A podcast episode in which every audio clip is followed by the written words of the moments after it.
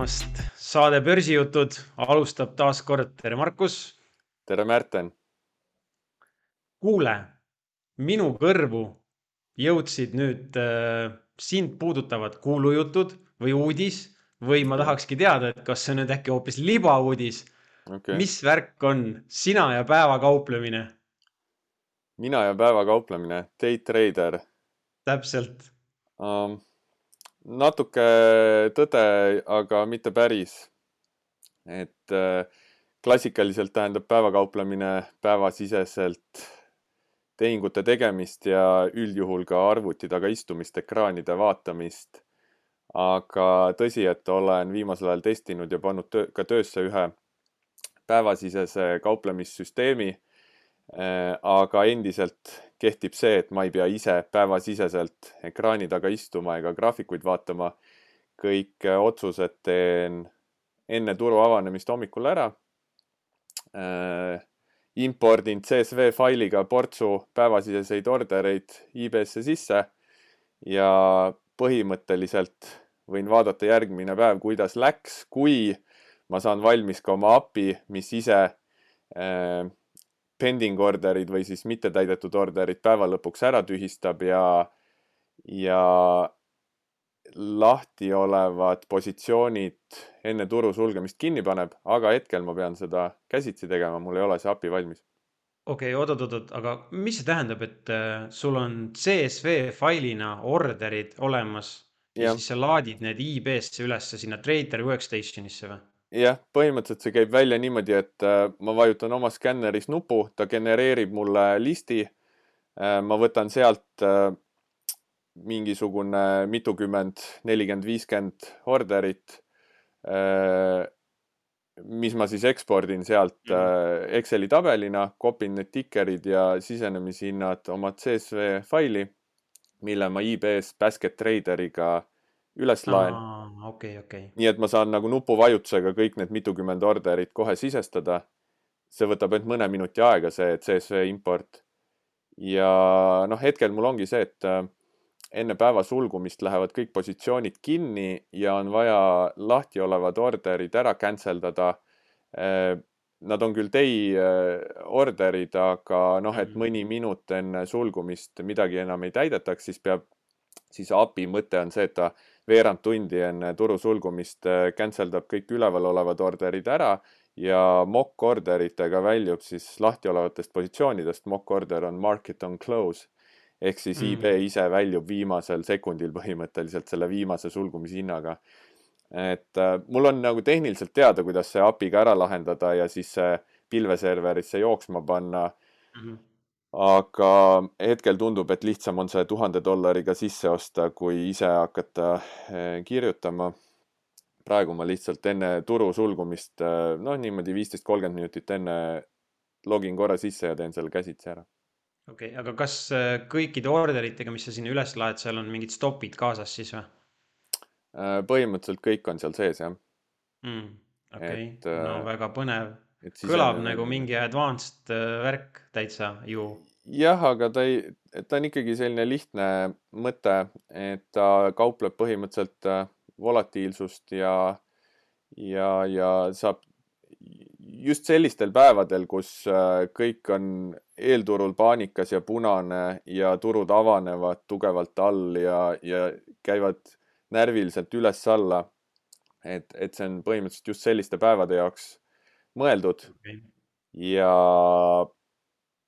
ikkagi kogu info on päevalõpu graafiku või data põhjal lihtsalt lisaks sulgumishinnale võtab arvesse ka eelnevate päevade tipud, põhjad, avanemise ja sulgumise ehk siis nagu iga mhm. päeva kohta neli äh, sisendit, infosisendit, mitte ainult sulgumishinnapõhiselt. on sul midagi nagu juba nende tulemuste osas ka jagada või on veel liiga vara? võtame mm. teinekord jutuks. Natuke vara selles mõttes, mis on äh, toimunud, äh, väga ei ole jõudnud veel jooksutada ja natuke veel testin, aga ma võin korraks huvi pärast jagada äh, Äh, seda äh, ühte backtesti pilti, ma vaatan siin share screen. see on nüüd ühe kahekümne aasta backtesti tulemus äh, ilma filtrita, et võtab kõik tehingud, aga siin ta tegi, ma ei tea, üle saja viiekümne tuhande tehingu, et kõiki nii palju mina ei tee, et mul on mingi filter, aga miks mulle meeldib äh, see päevakauplemise strateegia, on esiteks see, et ta on hästi, kuna ta teeb hästi palju tehinguid, see tehingu sagedus on hästi kõrge, siis ta on tegelikult hästi niisugune stabiilne.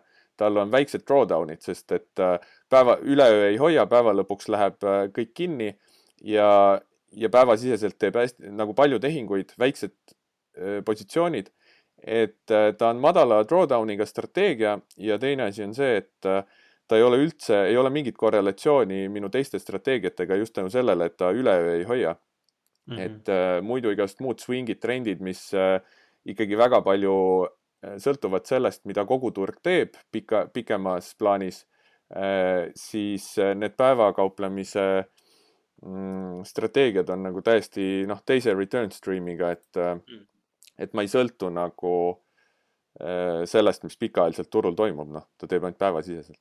päris huvitav oli see, mul kohe jäi silma see, et kaks tuhat kakskümmend ei paistnud äh, see pandeemiakriis, et oleks olnud väga hea aeg sellele strateegiale. samas kaks tuhat kaheksa äh, tundus, et oli nagu kuidagi eriti edukas, et kas see tähendab, et sul on siis nii long kui short nagu mõlemat pidi või on ainult ostud või? hetkel on long, aga ma testin short'i, ma ei ole short'i veel töösse pannud, see, mis ma näitasin, oli long. sul on õigus, et äh, tegelikult see strateegia on mõeldud äh, just volatiilsetele aegadele, karuturule, äh, toimis väga hästi kaks tuhat üks, kaks, kaks tuhat kaheksa mhm. toimis väga hästi kaks tuhat kakskümmend, noh, see konkreetne, mis ma näitasin, oli praegu üks suur test, et see ei olnud äh, selle konkreetse strateegia equity curve, mida ma praegu jooksutan. et äh, ja hetkel ma veel natuke tuunin seda. aga kaks tuhat kakskümmend märts, kui volatiilsus tõusis, siis äh, seal oli lihtsalt rohkem ka kaotajaid, võitjaid-kaotajaid ja see, ta ei toiminud kokkuvõttes nii hästi. aga see praegu oli nii-öelda raw data, et seal olid kõik tehingud, mingi sada viiskümmend tuhat tehingut, et äh, kui ma filtreerin ära, siis tuleb sinna, jääb alles sama perioodi peale kümme-viisteist tuhat tehingut mm. -hmm. no päris huvitav igatahes. aga jah, ütleme, see on lihtsalt hea lisa mm, portfellile, sellepärast et ta ei ole, on täiesti erinev äh, siis muudest strateegiatest, mis hoiavad üle öö ja kauem positsioone mm. -hmm vot, aga sinu käest tahtsin küsida ka selline tegelikult natukene seotud või, või päevakajaline natuke selle day trade imise mõttega, volatiilsusega seotud äh, teema, et me ei ole väga tegelikult volatiilsusest rääkinud, me rääkisime eelmise aasta kevadel selle Dragon Portfolio äh, teemal long vol strateegiast, mäletad mm, -hmm. mida me mõtlesime ja. ka, et on äh, jaeinvestoril päris keeruline oma pead rakendada. ja küsimus sulle, et äh, kas sa ise mm, kuidagi seda VIX-i fear indeksit, hirmuindeksit, volatiilsust, kas sa ise kuidagi seda jälgid, kasutad, sest ma tean, et noh, ilmselt sa pikaajalistel investeerimispositsioonidel väga ei vaata, seda pole oluline, aga mingi aeg sa rääkisid oma optsiooni kauplemisest Äh, mingil määral ma arvan, sa ikka kaupled ka, kui, kui ei, ei räägi sellest, siis pigem salaja. see on okei okay. ma arvan, eeldan, et mingeid lühiajalisemaid tehinguid sa teed, et kas sa ise kuidagi seda volatiilsust kasutad, jälgid? jah, noh, optsioonide puhul siis sai vaadata, sai vaadatud alati otse selle alusvara enda volatiilsust ja siis seda implied volatiilsust, mis oli optsiooni hinnas sisse nagu justkui hinnatud aga VIX on, noh, ta on läbi ajaloo olnud nagu sisend siis võib-olla sihukese turumeelsuse hindamisel. Mm, ma arvan, et see ongi see kogu, kogu sisu, et ega ma rohkem ei oska siin midagi öelda, et, et äh, fondijuhtimise aegadel sai väga hoogsalt siin silm peal hoitud. nüüd viimasel ajal noh, nagu nagu sellelt graafikult me ka on ju näeme, siis need, need VIX-i, VIX-i indeksi spike'id ehk siis tipud ja kui sa paned sinna vastu aktsia turuindeksi, et, et lõpuks sa hakkad nagu aru saama, et jah, mõnikord nad nagu midagi indikeerivad, teisalt kunagi sa ei tea, millal on see, selle VIX indeksi siis tipp, on ju, et kuna on see kõige suurem hirm mm, -hmm. et raske on ennustada, et, et ma, see ei ole nagu väga oluline sisend. Mõnikord ma lihtsalt nagu vaatangi selleks, et aru saada, mis on täna siis see turumeelsus okei okay., siis ma panin jah siia ette selle VIX-i volatiilsusindeksi viimase viie aasta äh, päevagraafiku äh, sulgumispõhise ja ma ise ei ole ka seda väga kasutanud, ma olen te tegelikult teda läbi aastate niimoodi natuke jälginud ja vaadanud ja lugenud, kuidas teised seda kasutavad, aga aga nüüd võib-olla hiljuti olen nagu rohkem vaadanud seda ja ma ise, ma tõmbasin siia peale ka kaks joont viieteist ja kolmekümne peale ja enda jaoks jagasin ta selliseks kolmeks laiaks äh, vahemikuks, kus alla viieteist on selline väga rahulik turg, nagu näeme siin äh, vasakul ääres kaks tuhat seitseteist, kui oli niisugune väga rahulik äh, lihtsalt tõus, on ju, USA turul. Ja VIX oli pikka aega rahulik, kaks tuhat kaheksateist järsult tõusis, kui see kaubandussõda USA-Hiina ja igast selline temaatika üles tuli et viieteist ja kolmekümne vahel minu jaoks on ta kuidagi nagu selline kergelt äh, volatiilsem, natuke ärevam aeg ja üle kolmekümne on selline mm, natuke paaniline äkki või, või isegi üle neljakümne läheb selliseks paanilisemaks. aga, aga pikaajalise huvit..., jah. jah, räägi. no pikaajalise investori vaates tegelikult see kõik, mis oli alla viieteistkümne ja seal isegi kaheteistkümne juures, tegelikult see oli nagu nagu ebanormaalsus, kui me nüüd vaatame väga pikalt tagasi, mis on olnud see keskmine hinnakõikumise mhm. ulatus aktsiaturgudel. et see mõistlik ajalooline vahemik ongi seal tõenäoliselt sihuke viisteist kuni kakskümmend viis või viisteist kuni kolmkümmend ja sealt ülesse, kolmekümnest ülesse on siis need spike'id, et et noh, ma mäletan, et siin mõni aasta tagasi seda, seda neljakümne piiri nagu sellel hoiti kuidagi pinevalt silm peal, et kui, kui VIX nagu neljakümne juurde läheb, et siis on, siis on ikka korralik hirm, aga, aga noh, kõik on nagu suhteline ja kõik on muutuv ka ajas. seda küll, siin noh, graafikul vaatan, siis tegelikult äh, ju peale pandeemia algust ei olegi alla viieteist üldse vaja, vajunud ja praegu hakkab ja. lähenema jälle sinna kolmekümne peale, minu meelest äkki äh, oligi siin jah, jaanuaris, siin on näha ka jaanuaris ja aasta lõpus ta käis natuke üle kolmekümne ka, et et ikkagi noh, miks, miks ma selle graafikuga ette võtsin, et tegelikult täna on ikkagi natuke selline elevated aeg või sihuke kõrgendatud mm, kerge ärevus on nagu õhus, et et sellepärast ma mõtlesin, ma võtan selle teemaks, jah me näeme ju seda suurettevõtete aktsiahindades täpselt samamoodi, et, et noh, need megacap'id nii-öelda reageerivad äh, majandustulemuste avalikustamisele või, või mõne teise suure tehnoloogiaettevõtte majandustulemuste avalikustamisele ikkagi nagu erakordselt äh, suure hinnaliikumisega ja mm, -hmm. jah.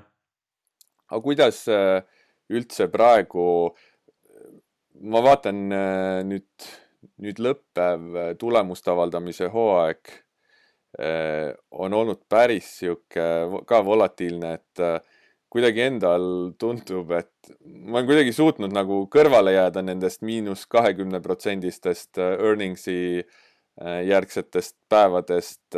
kuidas sul endal investorina sa ilmselt jälgid tulemuste avaldamisel, kuidas sinu portfellis olevad ettevõtted finantsiliselt käituvad või ütleme, finantsilised tulemused on, kuidas sa ise kommenteerid seda tulemuste hooaega enda portfelli valguses?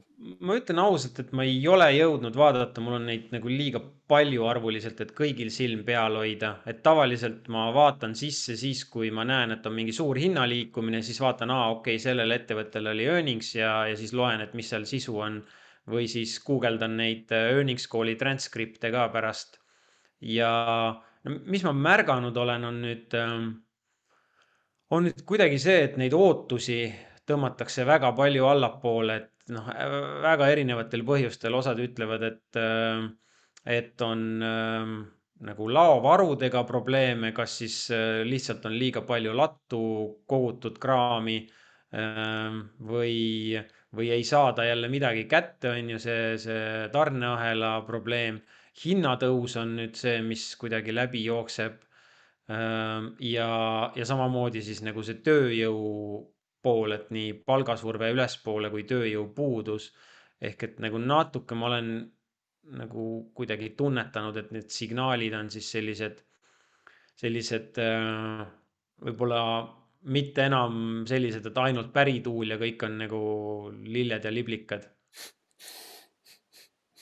Nagu siin tõusval turul on olnud, jah, jah, nagu vahepeal oli, et noh, hästi huvitav areng on minu arust see, et, et USA tarbijakindlustunne on nagu täitsa korralikult nagu kukkunud, mis on igati arusaadav, et nad said seal toetusi ja kui see lisaraha justkui ära kaob ja ja meeletult on äh, kestvuskaupu omale kokku ostetud, elektroonikat, ma ei tea, kodu, koju mingeid asju, riideid ja muid värke ja, ja mingi osa sissetulekust justkui ära kaob, pluss hinnad lähevad samal ajal ülesse et no siis ongi selline tunne, et okei okay,, et järgmise kuue kuni kaheteistkümne kuu jooksul ma ei ole nii kindel, et ma ostan uue diivani, auto või, või telefoni, on ju mm,.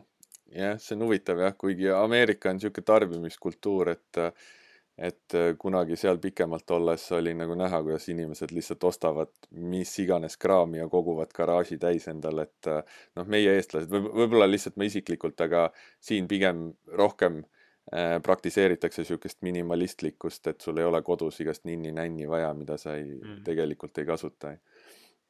aga, aga jah, vaata need äh, tarbija kindlustunded ja asjad, need on nagu sellist fundamentaalne pool, mida teadagi ma ise ei jälgi ja ja, ja kui sa praegu seda siin rääkisid, siis jah, mul tekkiski see, see meie esimese teema päevakauplemisega ka see, et, et, et miks äh, et miks äh, sellist strateegiat lisada äh, ongi see, et vaat kui me siin mingi saade, sa küsisid, et, äh, et Ameerika turg on palju tõusnud ja ega ta ju pikalt ei saa igavesti tõusta, et mingi hetk on näha, noh, nii-öelda see mm. mean reversion tuleb mängu, et Euroopal läheb jälle paremini. et noh, tegelikult minul ongi see, et kuna ma ju seda pikka ja fundamentaalset pilti ei vaata, lühemaajalisemalt mõtlen, et, et sellepärast ka üks see põhjus võib-olla, miks lühemaajalisemaid strateegiaid, swing'e ja päevakauplemist lisada portfelli on see, et noh, pikad tõusutrendid on selja taga ja, ja juhul, kui peaks tekkima selline külgsuunalisem, volatiilsem või, või karuturu aeg, et siis sellised teist laadi strateegiad äh, toimivad paremini. Ja, ja tahtsin tegelikult veel ühe asja lisada, et lisaks siis erinevale return stream'ile või sellele strateegia iseloomule, üks hea põhjus, miks veel sellist päevasisest äh, strateegiat rakendada, on see, et mul IB-s ju istub eraldi päevasisene võimendus. ja mm,, ja siin tuleb mängu ka võimendus, see, et see, sellist päevakauplemisstrateegiat äh, ei ole väga mõtet ilma võimenduseta teha, sest äh, tal on madalad drawdown'id ja madalad liikumised protsentuaalselt. noh, vaata, kui mm. ma, kui ma Äh, ma ei tea, mingi Tesla aktsiasse püüan aastaga viitkümmend kuni sadat protsenti liikumist, siis päevasiseselt ma saan ju sealt, isegi kui Tesla liigub päevaga mitu protsenti, siis ma saan sealt mingi tüki, on ju, mingi osa, et et need protsendid on nii palju väiksemad ja sellepärast peab seda võimendama ja, ja see on teine asi, et kui muidu üleöö hoides, vaata IB pakub äh, kaks ühele võimendust ja ma ise seda üle ühe koma viie ühele ei lase, pigem niisugune üks koma kaks, üks koma kolm ühele, siis äh, päevasiseselt neli ühele kasutan ma seda mhm. võimendust, sest kõik läheb õhtul kinni. et see on ka üks see päevakauplemise point, mis mul ennem äh, jäi ütlemata. kuule, aga see on suurepärane sissejuhatus minu järgmisele küsimusele. et äh, sa oled jaganud, et sul on eri strateegiad siis oma kauplemisportfelli sees ähm,. oli trendi jälgimine, ma saan aru, on ju -hmm. siis äh, SNP viissada indeksfondiga sa midagi tegid, sving oli sul ja midagi oli veel, on ju mm. -hmm. jah. et äh, minu küsimus on see, et juhul, kui sa saaksid valida ainult ühe strateegia, mida elu lõpuni sa pead kasutama ainult ühte asja, mitte midagi muud ei saa, siis missugune nendest jääks sõelale ja miks? ma arvan, et äh, peaks, see peaks olema pikaajaline äh, trendi kauplemine, pikaajaline tõusutrendil olemine äh,, absolute trend nii-öelda, et äh, võtan aktsia ja vaatan tema, ei, ei proovi mingit suhtelist tugevust, momentumit, mitte midagi, lihtsalt äh, aktsia enda trend. a la kõige lihtsam kahesaja päeva libisev keskmine võtan oma aktsiaportfelli, kui on üle kahesaja päeva libiseva keskmise, olen aktsiates, kui langeb alla, võtan riski maha. ühesõnaga sihuke pikaajaline robustne trendistrateegia, kui peaks ainult ühe peale jääma. Kuigi viimase kahe nädala põhjal võib-olla tahaks valida seda päevakauplemise strateegiat, kuna see on nii uus ja huvitav hetkel, et selle kallal ma teen tööd, siis ütleme ratsionaalselt mõeldes äh, pikaajaline trendi kauplemine ja miks, põhjus on lihtne, et äh, aeg on, ütleme. investori parim sõber aeg on trendi üks oluline element noh, et mida kauem ma olen trendil, seda suurema liikumise ma saan, on ju, et mm -hmm. nagu sa ütlesid, jah, aeg on investori parim, äh, kuidas sa ütlesid, aeg on investori parim sõber, aga, aga mitte karuturul. Karuturul ei ole hea sõber, et äh, karuturul ei taha olla riskivarades sees ja sõita täiega alla, et see on jällegi põhjus, miks, miks ma ise ostuhoia asemel ikkagi valiks mingisuguse trendifiltri. ma tean, et äh, sa arvad teistmoodi ja, ja võib-olla sa võid siis põhjendada siia vastu, et miks sa teistmoodi arvad, et miks sa pigem äh, ostad, hoiad ja sõidad igas suunas? Ähm, no kaks põhjust võib-olla. Ma tean ja tunnen, et ma ei ole minevikus olnud väga osav äh, nendes ajastamistes. et äh, ma ikkagi nagu noh, nagu lähen liiga vara välja ja liiga vara uuesti sisse ja lõpuks need, need nagu need, need liiga varad äh, teisendavad või tasandavad niimoodi ära, et ma sama hästi oleks võinud seal sees istuda, onju. ja, ja teine asi on see, et, et ikkagi, kui ma räägin enda portfelli, enda raha aktiivsest haldamisest, siis mul see käib kuidagi episooditi, et äh, nüüd on jälle viimased paar kuud olnud, olnud selline, kus ma, mul on nagu oluliselt vähem aega Äh, ja, ja ajuressurssi jäänud äh, sinna, et oma asjadega tegeleda, oma investeeringutega. ja, ja mulle see sobib, et ma tean, et mul on nagu strateegia mõttes kõik paigas, on ju. Kõik tiksub vaikselt ja, ja kui mul on aega ja kui mul on isu, siis ma tegelen, et vahepeal ei saa mingeid nagu katastroofe minu jaoks juhtuda ütleme jah, see, siit kumas välja see mõte, et mida vähem näpid, seda vähem saad midagi pekki keerata. ja, ja no täiega noh me, mina ei tea, minu enda nagu isiklik kogemus on nagu nii palju seda kinnitanud, et võib-olla ma siis nagu näpin liiga sageli, näpin valesid asju, ma ei tea, onju. aga ega see tegelikult see sarnane põhimõte on ka pikaajalise trendi, kauplemise trendiga istumise põhjal, et sa igapäevase turumüra põhjal ei hakkaks sagima ja sellepärast see pikaajaline toimibki, et mm et sa ei püüa seda kuidagi üle mängida, et turud alati mingi hetk trendivad, alati peale langust tuleb jälle uus pulliturg ja, ja siis saad sellest mõnusalt osa. Et lihtsalt jah, mulle ei meeldi nagu igal ajal, aga see on lihtsalt valiku küsimus, on ju, maitse asi. aga kui me nendest trendidest praegu räägime, siis noh, igal investoril ja kauplejal on oma mingi see vaatlusnimekiri, et mis aktsiaid ta jälgib ja mõnes mõttes ka, et mis indeksitel kõige rohkem silma peal hoiab ja ma ise püüan olla selline, et ma vaatan siis erinevaid, erinevate riikide, erinevate regioonide indekseid ja võib-olla ka siis mingisuguseid noh, väiksed, keskmised, suured ja nii edasi. aga noh, nüüd viimasel ajal kuidagi minu jaoks kõige rohkem fookuses on NASDAQ sada ja, ja noh, ma tean, et sa ikkagi lisaks SNP viiesajale, sa ikka ju vaatad seda QQQ-d, et et on sul seal nagu kauplejana mingi, mingi tunnetus ja nägemus asjadest mm.? Jah, peast äh, ma vaatasin hiljuti, ma vaatan, jälgin ikka ka neid äh, üht-teist äh, põhisektorit ja, ja seal on see XLK on tehnoloogiasektor, mis ei ole päris QQQ, aga, aga sest, sest tegelikult QQQ, kas on päris õige öelda tehnoloogiaindeks? ei ole et seal on ju mingid Starbucksid ja mingid siuksed asjad ka sees. ja Costco ja no ma ei tea, mis ja. iganes on ju. aga, aga sellest Kuku-Kuust rääkides, et äh, ega ta on, ta on nagu natuke vist SB500-st rohkem kukkunud, aga see pilt on üsna sarnane. ja noh, nii nagu siin äh, eelmine või üle-eelmine saade SB500-st rääkisime, et minu jaoks on hetkel see kogu see turg suht selline äh, libeda jää peal, piiri peal, et kui ma vaatan üht-teist sektorit eraldi, siis on ka see, et energia on tugevas tõusus, seal oli veel esmatarbekaubad on tõusul ja finantssektor on ka pigem tõusul. enamus on seal sihuke piiri peal, on nagu mingil tagasitõmbel või külgsuunalisel liikumisel. ja mõned, mis on siis natuke nagu rohkem hakanud kommunikatsioonisektor on üks, mis on täitsa nii-öelda minu jaoks langusele pööranud, ma olin vahepeal seal lühike ka ja ülemüüdud eh, konditsioonis võtsin kasumit. ootan mingit põrget, et kas uuesti seal lühikeseks minna.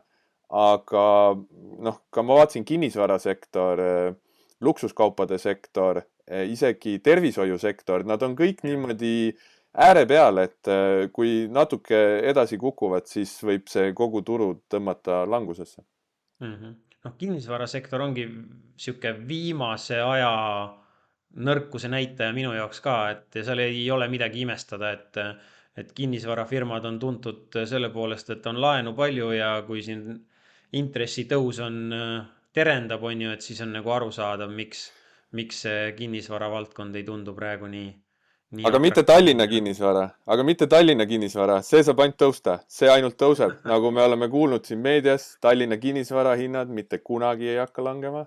No, mul on tõuseb. üks nagu sihuke, sihuke seminali või nagu mingi, noh, ma ei taha öelda, et see on mingi tees või midagi, aga, aga no ma olen kuidagi saanud nagu mingeid signaale ja, ja pannud tähele veidi meelsuse muutust seoses sellega siis, mis on teinud nagu näiteks Wise'i aktsia ja ja siis nende endiste töötajate agarust ja suhtumist äh, sellesse, äh, kui palju neil on võimalik kulutada ja kui, kui jõukana nad ennast tunnevad, et, et majandusteoorias on kenasti olemas selline asi nagu wealth efekt ehk siis see jõukuse efekt. Ja, ja mis siis, kui sa võib-olla ei ole, on ju, mingeid kahjumeid sisse võtnud, aga kui sa näed, et su su jõukus on kahanenud kahe miljoni pealt miljoni peale, siis sa võib-olla tühistad oma Ferrari tellimuse ja mõtled ümber, et võib-olla viietoalise asemel ostad neljatoalise ja, ja, ja nii edasi, et, et noh, mine sa tea, äkki siin selle Wise'i aktsia liikumise valguses mingit sihukest mõju me võime Tallinna kinnisvaraturule näha. No mulle tundub, vaata väike turg ka siis on see, et kui kõik kinnitavad üksteisele ja iseendale, et hinnad ainult tõusevad siis see tegelikult natuke nagu valab seda kütet juurde tulla, et eh, noh, nad tõusevadki, sest kõik usuvad, et tõusevad, kõik ostavad, sest et tõuseb ju, ainult tõuseb, aga nüüd ongi see nagu igal turul, kus on ostjad-müüjad, pakkumine, nõudlus, kui need viimased ostjad on oma ostud ära teinud ja ei ole kohe peale tulemas neid uusi ostjaid, kes seda hinda edasi lükkaks ja, ja pigem võib-olla hakatakse rohkem eh, müügi peale mõtlema noh, siis üldjuhul need äh, avalikud kapitaliturud äh, liiguvad ka teises suunas, et noh, ei saa minu meelest öelda ühegi avaliku turu kohta, kus äh, on turuhind pakkumise-nõudluse, ostjate-müüjate tulemusel, tehingute tulemusel, ei saa öelda, et see turg liigub ainult ühes suunas. noh, see ei saa nii olla. kui ma siin nüüd ütleks börsijuttudes, et aktsiad edaspidi liiguvad ainult üles, noh,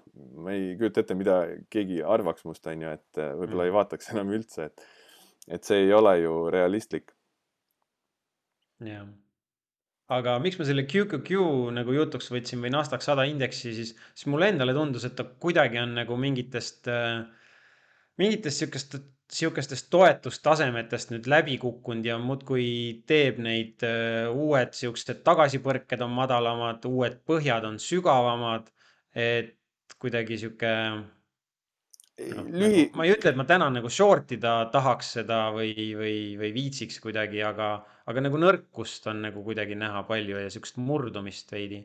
ütleme, praegu mul seda graafikut ees ei ole, peast öeldes ma pakun, et ta lühiajalisemas vaates minu jaoks päevagraafikul ongi äh, suure tõenäosusega langustrendis äh, madalamad põhjad, madalamad tipud on ju ja siksak on pigem allapoole suunatud, lihtsalt kui ma vaatan sellist äh, kolme aasta pikkust äh, nädalagraafikut, kus ta on võib-olla hetkel veel pigem külgsuunas või seal ääre peal, et äh, noh mm., lähinädalad pigem otsustavad selle, et kas tuleb müügisurvet juurde või ka koguturul SB viitesadat vaadates või siis ikkagi vaikselt hakkab mingi bottoming nii-öelda, et see ei ole enam äh, müügipäevadel nii suurt kauplemismahtu taga, volüümi ja vaikselt ei ole enam nagu selliseid järske kukkumisi, vaid on selline noh, läheb nagu tasasemaks see hinnagraafik sulgumishindade poolest ja hakkab pigem ka nagu kõrgemaid äh, sulgumisi tegema mm. -hmm.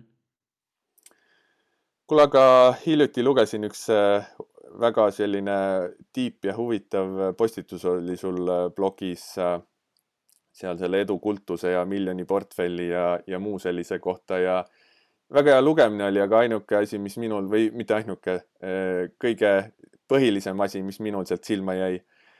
palju asju jäi silma, aga põhiline asi, mis silma jäi, oli see, et et sa ei suutnud kolmekümne kolme aastaselt kätekõverdusi teha ja kirjutasid seal ja ja siis ma mõtlesin investor versus kaupleja, et ma olen juba võitnud, kaupleja on juba võitnud, sest et ma olen kolmkümmend kolm, ma võin teha üle viiekümne kätekõverduse, ma võin tõmmata kakskümmend korda lõuga. et äh, ei ole siin üldse mingit börsistrateegiatest vaja rääkida, et äh, selle poolest äh, on juba kõik väga hästi või mis sa arvad? no no näed, super luks tegi mind väga õnnelikuks, et no rõõm kuulda. no eks vaata, eks igaühe teekond ongi erinev ja, ja ja noh, inimesed äh, jõuavad eri aegadel, kui üldse mingisuguste äh, taipamiste või, või äratundmisteni ja, ja, ja minul need kahekümnendate lõpp, kolmekümnendad olid pigem sihuke noh, sõna otseses mõttes karjäärile orienteeritud, et nagu nii-öelda nii, nii ametipostil muudkui ülespoole ronida, kui ka siis nagu sissetulekute mõttes on ju, et kui sa seal korporatiivmaailmas oled, siis siis ainus, millest sa suudad mõelda, et kui saaks nagu palka juurde, on ju, või noh, nagu või siis natukene mingi hetk, et boonust rohkem, et. aga, aga ma pean ütlema, et sa oled täna väga heas vormis selles mõttes, kui me siin aasta tagasi olime Pärnus, käisime spaas ja jõusaalis, siis ma seal jõusaalis ei oleks äh, osanud arvata ega uskuda, et sa, et oli kunagi aeg, mil sa ei jõudnud kätekõverdusi teha no ja väga tore, aitäh, et eks see suur põhjus ongi see, et, et nüüd on seda paindlikkust ja vabadust rohkem oma elu kujundada ja, ja siis saabki nagu rohkem liikuda ja rohkem teha sellist trenni, et noh, naljakas on see, et ma ei ole tegelikult väga sihuke kuidagi ma, ma ei suuda praegu regulaarselt trennis käia, ma teen nagu väga tuju pealt, et äh, vahest lihtsalt selleks, et kui podcast'i kuulan ja pea on väsinud, siis äh, võtan oma sangpommi siit toanurgast ja, ja vibutan seda samal ajal, kui ma kuulan podcast'i või vaatan midagi Youtube'ist ja, jah. et see paindlikkus on nagu maru tore asi, et mulle väga-väga sobib ja mulle meeldib, et saab oma elu üle ise otsustada, et millal teha ja, ja mida teha ja, ja nii edasi ei, see oli väga äge, et sa sellise isikliku teemaga üldse jutuks võtsid ja üleüldse see edukultuse ja, ja miljoniportfellide teema, mis seal võtsid jutuks, et, et jah, head mõtted, head mõtted. et raha ei ole ainuke, kusjuures see meenutas mulle ühte pointi, mida keegi kuskil jagas, et Warren Buffett on ju miljardär, ma ei tea, sada miljardit või kui palju tal praegu see vara on üles-alla. aga ükski noor inimene ei tahaks temaga kohta vahetada, sest ta on üle üheksakümne. et mm. ühesõnaga aeg versus raha, tegelikult on ju see, et sa oled kolme-neljakümnendates, sa ei taha Buffettiga kohti vahetada, isegi kui sa saad sada miljardit ja sa oled üheksakümmend mm.. et, et see tegelikult äh, näitab, et ikkagi see aeg on olulisem kui, kui see yeah. suur varandus siin äh, Rahakratt siin, ma ei tea, mõned nädalad tagasi oma Insta story des jagas ühte uut raamatut, mida ta loeb. pealkirjaks oli Die with zero ehk siis äh, mammona kogumise vastane raamat on ju, et pigem äh, planeeri oma elu nii, et kui sa paned kõrvad pea alla, et siis sul oleks kontol ümmargune null. ja, ja hakkasin tasapisi seda raamatut lugema ja, ja tuli üks nagu väga tore äratundmise koht, et, äh, et ta rääkis sellest, kuidas nad ta töötas äh, New Yorgi börsi seal kohe põrandal, on ju. ja ma ei tea, aastapalk oli vist kuusteist tuhat kusagil üheksakümnendatel.